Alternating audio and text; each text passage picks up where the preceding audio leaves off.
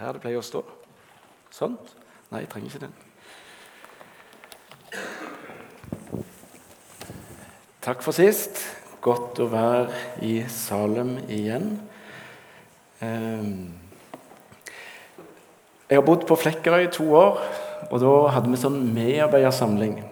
Jeg lurer på om det var på Evjetun eller noe sånt. Da var det en lege som het Olsen, som skulle innlede til samtale om et eller annet. Og så fortalte han at når han var liten, skulle lære å sykle, så var han egentlig altfor liten for denne sykkelen. Det var stang på sykkelen. Men han gikk bort til ei rampe, og så klarte han å tre den ene foten inni pedalen. Du ser dette for deg, og så holdt han seg i rampa der. Og så var det bare å gi fart, og så klarte han jo å sykle. Men så nærma det seg en bakke, og han kunne jo ikke stoppe, for han hadde ikke noe rampe der. Og så begynte bakken. Og sånn føler jeg det nå, sa han. Du kjenner igjen følelsen. Skal vi be for stunda? Takk, Jesus, at vi får legge denne stunda i dine hender. Og vi trenger til å be om at du må gi oss det vi trenger til når vi skal samles om ditt ord.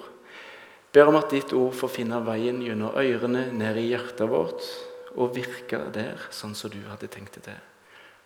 Takk, Jesus, at vi kan be om å få et møte med deg. Amen.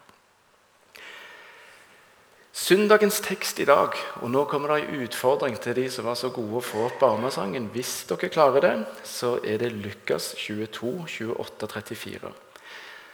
Jeg skal lese det. Det er tredje søndag i fastetida i dag. Og I Lukas 22 der får vi høre at Jesus sier til de som er rundt ham Han har nettopp innstifta nattverden. Men dere er de som har holdt ut sammen med meg i mine prøvelser. Jeg overgir riket til dere, slik som min far overga det til meg, for at dere skal ete og drikke ved mitt bord i mitt rike, og sitte på troner og dømme Israels tolv stammer. Simon, Simon, se, Satan krevde å få dere i sin makt for å sikte dere som hvete.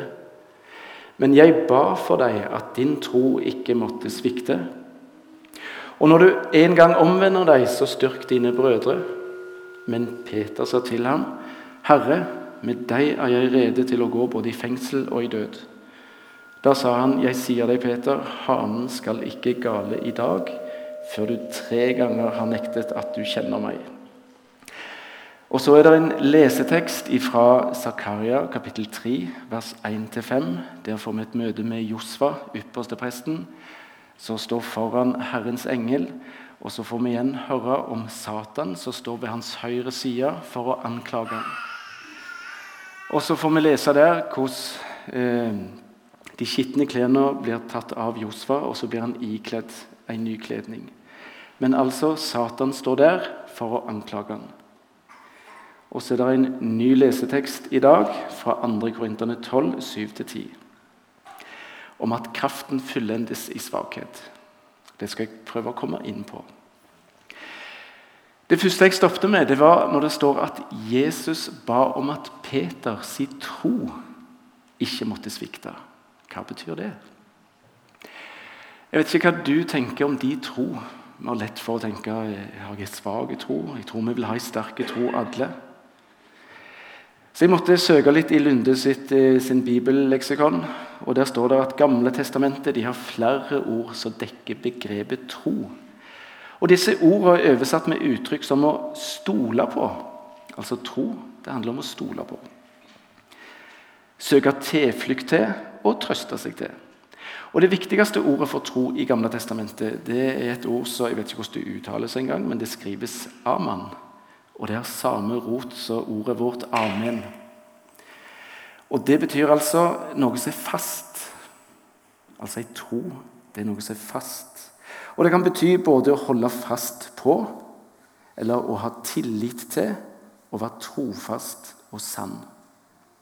Altså tro noe som er fast, som vi holder fast på, som vi har tillit til, og være trofast og sann. Eh, og så har jeg tenkt Tenk at Jesus ba for Peter. Og så vet vi hvordan det gikk etterpå. Peter feila. De har tatt Jesus. Peter sitter der ute i forgården i lag med de andre.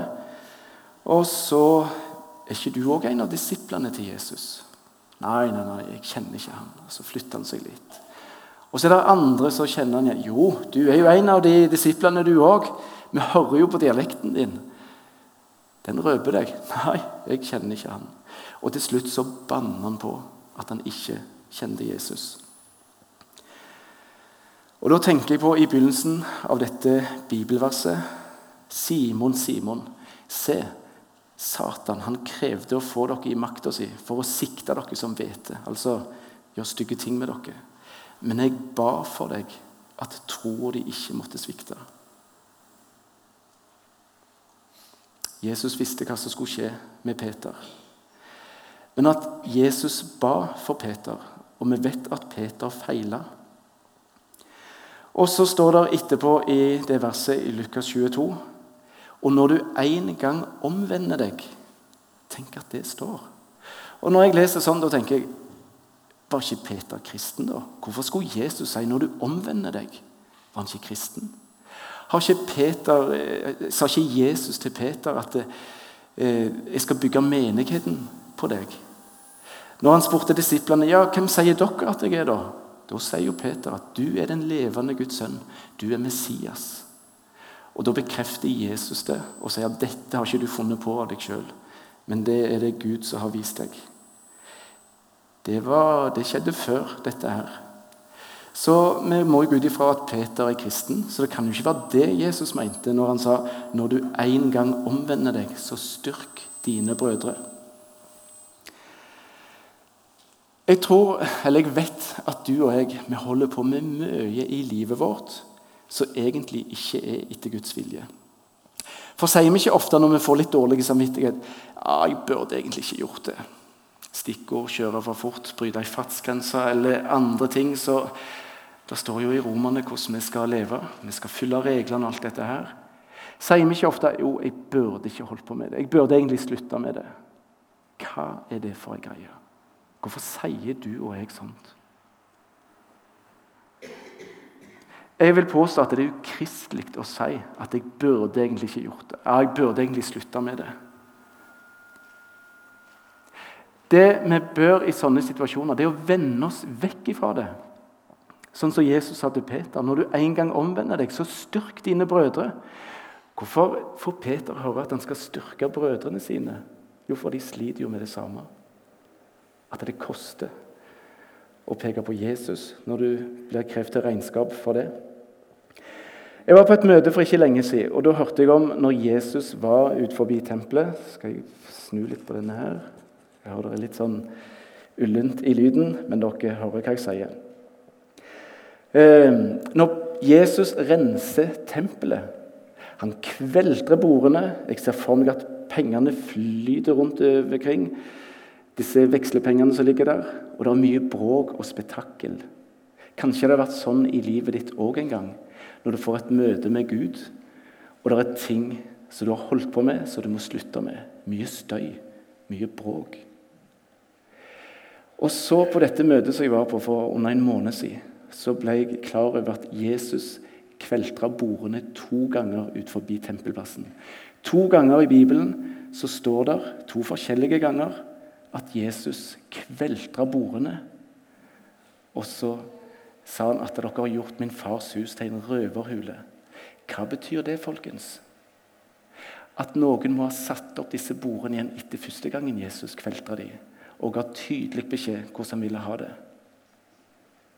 Så har folk på å rydde opp bordene igjen. Jesus er vekke. Og så fortsetter de sånn som før, sånn som de hadde gjort i alle år før. Og så kommer Jesus for andre gang og kveltre bordene. Da fikk jeg noe å tenke på.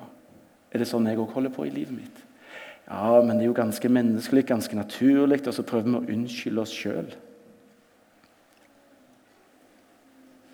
Styrk dine brødre etter du har omvendt deg, sa Jesus til Peter. Peter han fikk et møte med Jesus etter han hadde fornekta han, etter han hadde banna på at jeg kjenner ikke han. Jesus står der med stranden, har gjort opp en kullild, altså et bål. Og så Peter klarer ikke å vente. Han hopper ut av båten. Og så får han høre Peter, elsker du meg mer enn de andre? Ja, du vet jeg har deg kjær. Peter, elsker du meg? Ja, Herre, du vet at jeg har deg kjær. Og så sier Peter, Jesus for tredje gang, Peter, har du meg kjær? Herre, du vet alt. Du vet at jeg har deg kjær. Og så får han høre, fø mine lam. Etter Peter fikk oppleve tilgivelsen, komme til Jesus, så gikk han tilbake til brødrene, og han styrkte dem. Peter han var den som sto fram og talte, holdt på å si Roma midt imot, og han ble klippen. Så det bibelverset der, når Jesus sier til Peter at han må omvende seg, så tror jeg det er ifra sånne ting som vi har snakket om nå. Du må vende om. Du skal ikke bare si ja, jeg burde egentlig ikke gjort det. Ja, Det er egentlig tåpelig av meg å holde på sånn, men du vet. Vi må slutte med det. Og så må vi snakke med andre om det. Og så må vi be til Gud om tilgivelse og hjelp og kraft til å begynne en ny retning. Og så har jeg tenkt på det som sto her i Lukas 22, at Jesus, når han ber for Peter Hva er det å be? Jeg skal komme litt inn på det òg. Men det står òg i Bibelen at Jesus ber for deg og meg. For i Romerne 8,34 så står det Hvem er det som fordømmer? Kristus er den som er død. Ja, mer enn det. Så òg er oppstått, så òg er ved Guds høyre hånd. Så òg går i forbønn for oss. Så tenk at Jesus han ber for deg og meg i det vi står i. Hebreerne 7, 25. Derfor kan han òg fullkomment frelse de som kommer til Gud ved Han, da han alltid lever til å gå i forbønn for dem. Så Jesus er vår første talsmann og forbeder hos Gud. Og så har vi én til, og det er Den hellige ånd. Jeg Vet ikke om du har tenkt på det, at Jesus han er den første talsmannen vår og forbeder.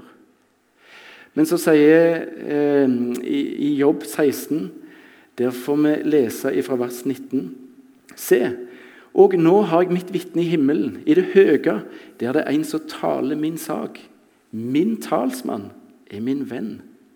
Med gråt ser mitt øye mot Gud, og han taler menneskets sak for Gud som en mann ber for sin neste. Og Jesus sa sjøl i Johannes 16, 7, Men jeg sier dere sannheten, det er til gagn for dere at jeg går bort. For hvis jeg ikke går bort, så kommer jo ikke talsmannen til dere. Men går jeg bort, da skal jeg sende ham til dere. Altså, vi har fått Den hellige ånd. Den fikk du når du sa ja til Jesus.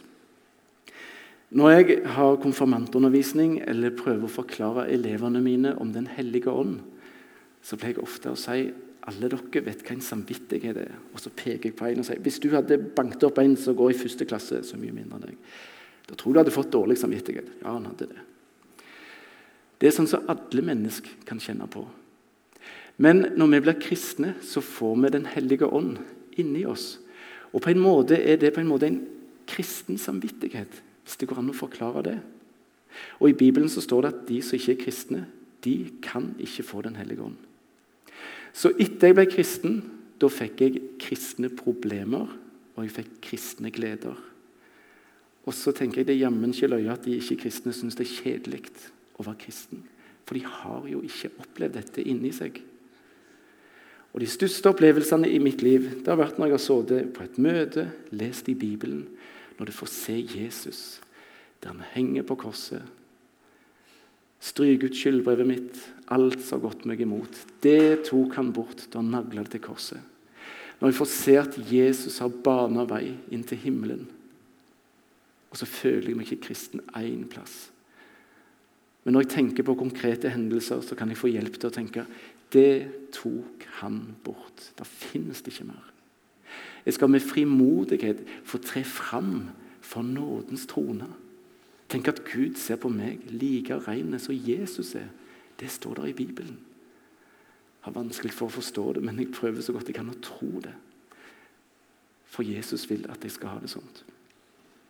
Når du strever tungt å bære, så kommer du til meg, sier Jesus.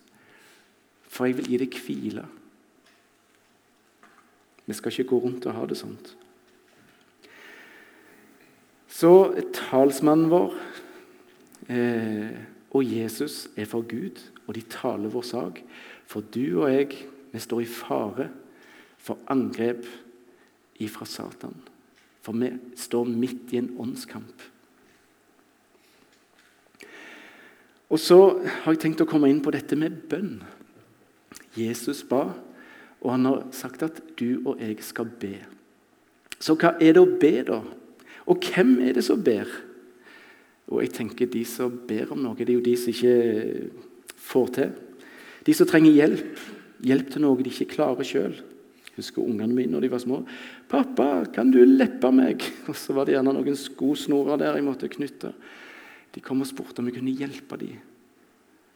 Og selvfølgelig så vil vi hjelpe ungene våre. Du og jeg, vi er Guds barn, står det i Bibelen. Og vi har en far som vil hjelpe oss.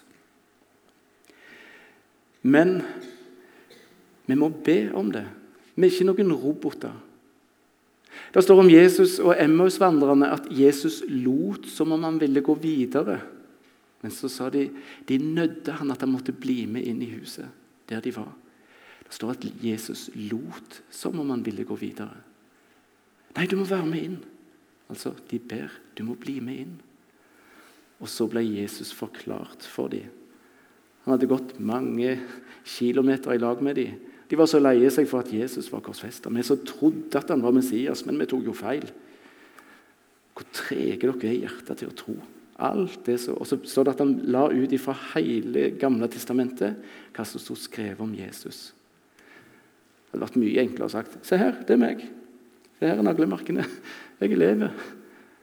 Men Jesus, jeg tror han ville vise de og meg og deg at Jesus er å finne i Gamle testamentet. Og så sa de etterpå brant ikke hjertene i oss når han åpna Skriftene for oss. Så fikk de en åndelig opplevelse.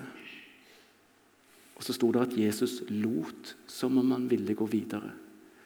Meg og deg er ikke noen roboter. Så står det i Jakob 4 at vi har ikke fordi at vi ikke ber. Så det med bønn, det må vi la gå inn over oss, og så vi får se hva vi har tilgang til. Men eh, nytter det egentlig å be til en usynlig Gud? Hører han oss? Det er det mange som har lurt på. Jeg står her i dag som resultat av bønn. Jeg ble kristen når jeg var 18 år, og jeg vet hvordan det oppleves å bli bedt for. Jeg var som tenåringer flest, begynte på ungdomsskolen. Jeg var sikkert den første som begynte å prøve med all slags. Skulle drikke. og jeg Røykte første gang jeg fikk anledning til det, og drakk meg fodle første gang jeg fikk anledning til det. Dette har jeg sagt så mange ganger før, men hver kveld når jeg skulle legge meg, så kom tankene. Tenk om det fins en himmel og et helvete, Arne Kristian. Tenk om hjertet ditt slutter å slå i natt. Og Så måtte jeg be tre kveldsbønner for å roe hjertet mitt. Så ba jeg med mine egne ord. Og så har jeg ofte tenkt etterpå Hvorfor hadde jeg det sånn hver eneste kveld? Det slo aldri feil. Jeg vet at jeg hadde ei farmor som ba for meg. Hun ba om at jeg måtte bli kristen, og det var det som skjedde. På utsida så, så det hardt ut og alt det der. Jeg hadde hull i øret en stund og så ut som en skikkelig skummel ungdom. og alt det der. Eh, jeg så langt ifra kristen ut, men jeg hadde noen som ba for meg. Det skjedde noe inni meg som ikke viste på utsida. Så når du ber for noen, så kan du være sikker på at de himmelske kreftene de er i sving på innsida. Jeg hørte en gang en som snakket om et egg. Det var det der harde skallet på utsida. Like hardt i dag som det var i går, som det var sist uke. Men hvis det er noe som skjer inni det egget, så skal det en gang bli pikka hull i det der harde skallet. Og så skal det komme et nytt liv ut. Når jeg har tenkt på farmor mi så ba Når jeg lå på kammerset på Helgøy, så hørte jeg noen som snakket. Hvem er det? Så hørte jeg jo, det var farmor som lå og ba. Og så tok hun hele lista foran seg, og så hørte jeg hvordan farmor mi ba. Og det vet jeg hun har gjort i alle år. I Matteus 21, 22 så står det og alt det dere ber om i tro, i bønnene deres, det skal dere få. Jeg gjør jo alt for ungene mine som de vil ha, men ikke ting som er skadelige for dem. Det gir jeg dem ikke. Så når meg og deg ber om noe som etter Guds vilje, så kan du være sikker på at det skjer noe. Farmor mi hun hadde ti unger. Far min var en av de som ikke var kristen. De andre var det. Farmor opplevde aldri at min far ble kristen. Så da fikk hun ikke bønnesvar, da. Jo, hun fikk det. Når jeg ble kristen, så begynte jeg å be for far min. Og Jeg krangla med han og diskuterte med han, og alt det nytta jo ikke. Ja, holdt på å si, Jeg kunne jo bare hatt en skikkelig slåsskamp med han òg, men jeg kunne jo ikke det heller. altså Åh, Det kverte i meg. Hvorfor kunne han ikke forstå? Og Jeg diskuterte og diskuterte og krangla, og det ble dårlig stemning. Sånn var det i begynnelsen. Oh, men jeg ba og jeg ba. Og 14-15 år etter farmor mi død, så ble far min kristen. Men jeg syntes det var vanskelig å be for far. Men så ringte han. Det var i sommeren 2015. Han hadde fått kreft. Jeg har hørt noen som sa det er gjerne den største vekkelsespredikanten vi har. Og da visste jeg nå, nå må du bruke tida di riktig. Så jeg slutta å være fotballtrener. og alt det der. All ledige tid jeg hadde, reiste jeg til far, og jeg ville prøve å si noe om Jesus til han. Men så kom jeg til far, satt han og så på TV, og ganske høy lyd. og Så ble jeg sittende der og drikke kaffe og se på TV. og så kom jeg hjem til kona mi, og det er så vanskelig. Skal jeg liksom bare begynne å snakke om Jesus midt i denne fotballkampen, eller hva nå enn så på? Og så sa hun kan du ikke bare si til far din da at eh, du far, nå skal jeg gå om en time. Kan vi ikke skru av det TV-et? Og så får vi snakke litt skikkelig. Jo. Men så torde jeg ikke det neste gang. Så ble han lagt inn på sykehus, eller på sykehjemmet der. Så var det en kveld. Så var tanta mi der. Og så satt vi og drøste og vaste der. Far var dårlig, alt det der. Og Hun skulle reise en plass dagen etterpå. og Så sa hun nei, Kristian, nå må jeg gå, jeg, men jeg skal bare be litt med Ola før jeg går. Ja vel, tenkte jeg. Og Så satte hun seg på sengekanten. 'Ola, jeg må gå nå, men før jeg går, så tenkte jeg jeg vil be litt for deg.' Og Så bare tok hun hendene til far min inni sine, og så foldet hun de. 'Kjære Jesus.' Og så satte hun i gang. Og jeg satt bare og tenkte 'se og lær'. Så tenkte jeg de er oppvokst i den samme heimen. Og så kom neste gang. Og så bare tok jeg imot til meg. Det var så vidt jeg tørde det. Far, hvis jeg hadde vært deg, så hadde jeg vært livredd. For vi vet at det, det ser ikke ut som det går den rette veien med deg. Nei, det gjør jo ikke det. Så hadde jeg vært deg, så hadde jeg vært engstelig. Hva skjer når hjertet slutter å slå? Så jeg lurer på, Tenker du òg på det? Ja, jeg gjør jo det. Vet du hva, far? I dag hadde jeg andakt for søndagsskolen hjemme. Og så da hadde det vært fra Johannes 4 med han der kongelige embetsmannen. Og sønnen var syk. Og Jesus var i Kana, og han var i Kapernaum, eller motsatt. Og En kongelig embetsmann han har vært i krigen mye. Han har sett hundrevis av soldater dø. Og Nå så han det samme uttrykket i sønnen sin. Han var dødssyk. Og hva gjør vi da? Jo, Han hadde hørt at Jesus var 3,8 mil vekke. 38 km. Jeg har funnet på kartet. Han har hørt at Jesus har gjort under før. Så han må gå ifra sønnen sin. Jeg ser for meg at han sønnen sier, 'Far, ikke gå.' Det må ha vært vanskelig for han å gå vekk. Så fortalte jeg far om dette. her. Og Så har han småsprunget fire mil, og så kommer han til Jesus. og Så sier han, 'Du må komme og bli med meg, for sønnen min er syk.' Og Så sier Jesus til han, 'Gå hjem, sønnen din lever.' Tenk deg å høre det fra en general. Men så står det at han trodde det Jesus sa, og så gikk han. Så sa jeg til far Tror du ikke han her embetsmannen hadde lyst til å få Jesus med seg hjem? Han hadde sikkert tanker i hodet at han skulle legge hendene på han og be for han. Jo, han hadde nok det. Tror du ikke det var vanskelig for han å bare gjøre sånn som Jesus sa? Jo, det var nok det. Og sånn tenker jeg om deg òg. Du føler gjerne at eh, det skulle vært sånn og sånn og sånt. Eh, men vi må tro. Vi må tro på det som står. Og så prøvde jeg så godt jeg, frem, så godt jeg kunne å si hva det var å være kristen. Hvis ditt liv er her, far, så står det at vi skal møte Gud helt alene. Holde regnskap over Jeg tør ikke møte Gud med mitt liv. Tør du? Nei. Men så er det så godt at vi har Jesus, for så har Gud elska at han ga, og så tok jeg hele greia.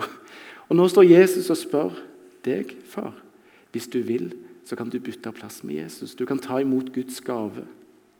Og da får du Jesus. Akkurat Vil du ha en Fisherman, så sier du ja eller nei. Eller vil du ha en 50-lapp, så sier du ja eller nei.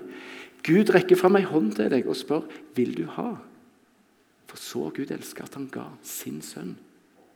Så spør jeg far, jeg, og så tenkte jeg inni meg skal jeg tørre dette. her? Hvis jeg spør deg nå, far, vil du ta imot Guds gave?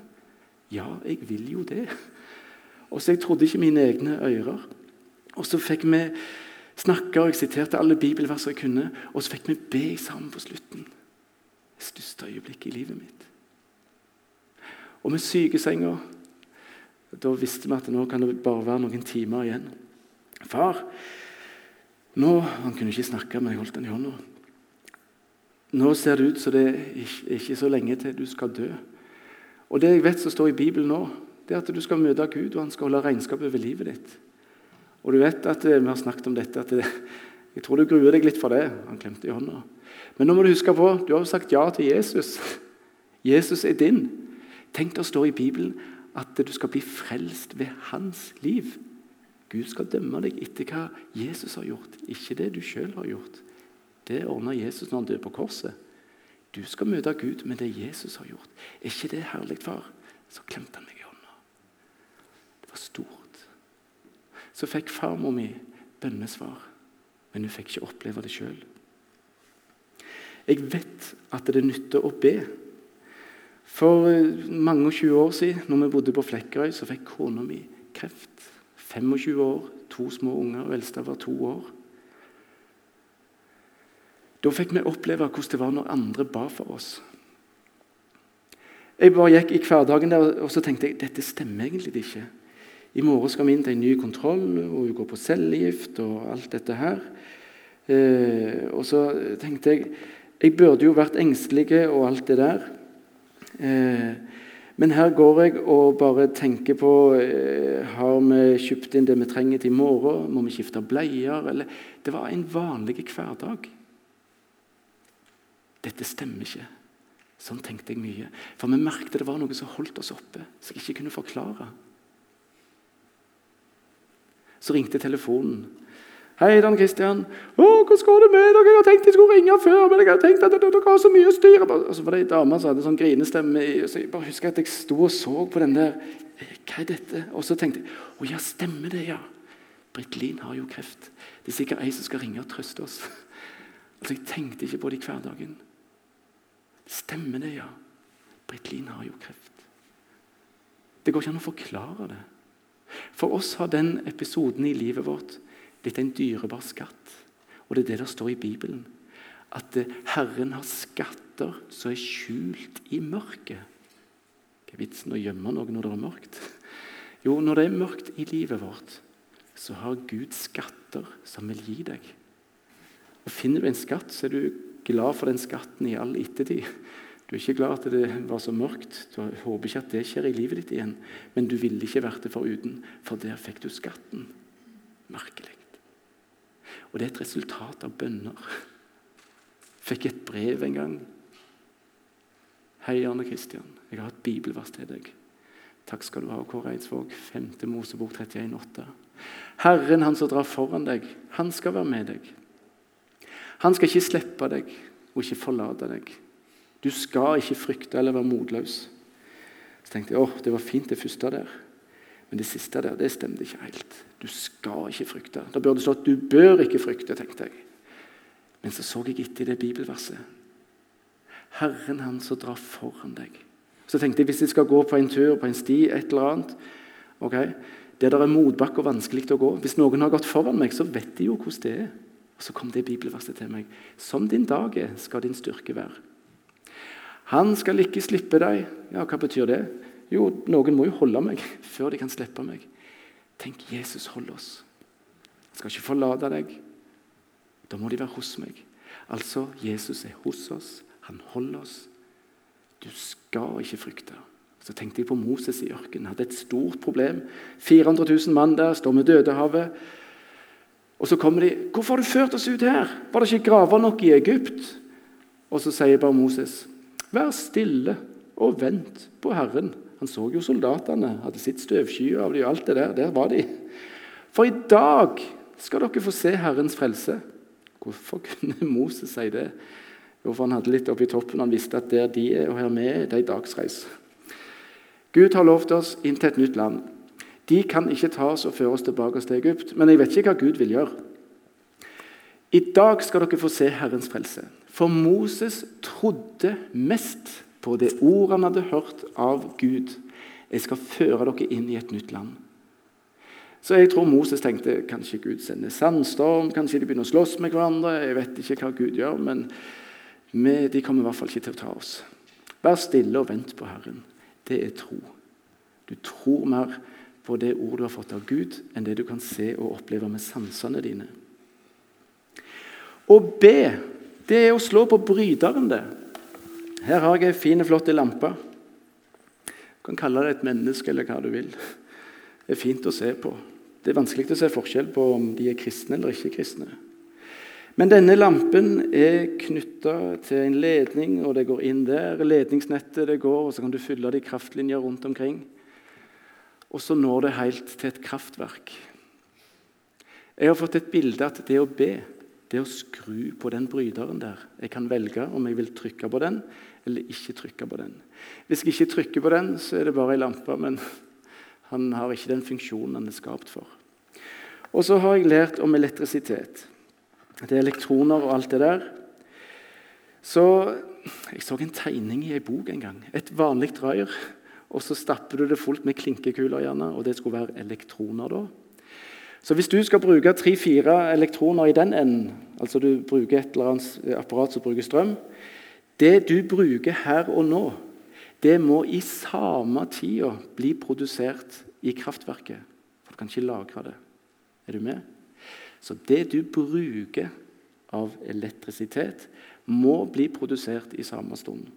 Sånn har jeg hørt det forklart. I Bibelen så står det at eh, Paulus sier at han eh, vil kjenne han og kraften av hans oppstandelse. Når vi trykker på denne knappen, her, så blir det lys. Akkurat nå så produseres det like mye elektrisitet som jeg bruker her i kraftverket. Når du ber, så trykker du på bryteren. Du er i kontakt med de himmelske kreftene som Gud besitter. Han kunne bare si et ord, og så ble verden til. Når vi ber, så er du i direkte kontakt med kraftverket. Tenk på det. Så Når du ber for noen, så ber vi Gud om å rette sine himmelske krefter til det du ber om. Salme 55, 23. Kast på Herren det som tynger deg. Han skal holde deg oppe. Han skal aldri i evighet la den rettferdige rokkes. Sett din vei i Herrens hånd, og stol på Han. Han skal gjøre det. Og så er det en hemmelighet. Så er det siste bibelverset fra dagens tekst, 2. Korinterne 12.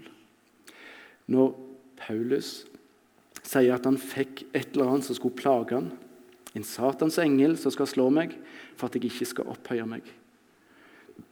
Du som har noe sårt i livet ditt som du ikke klarer å ordne sjøl. Du ber.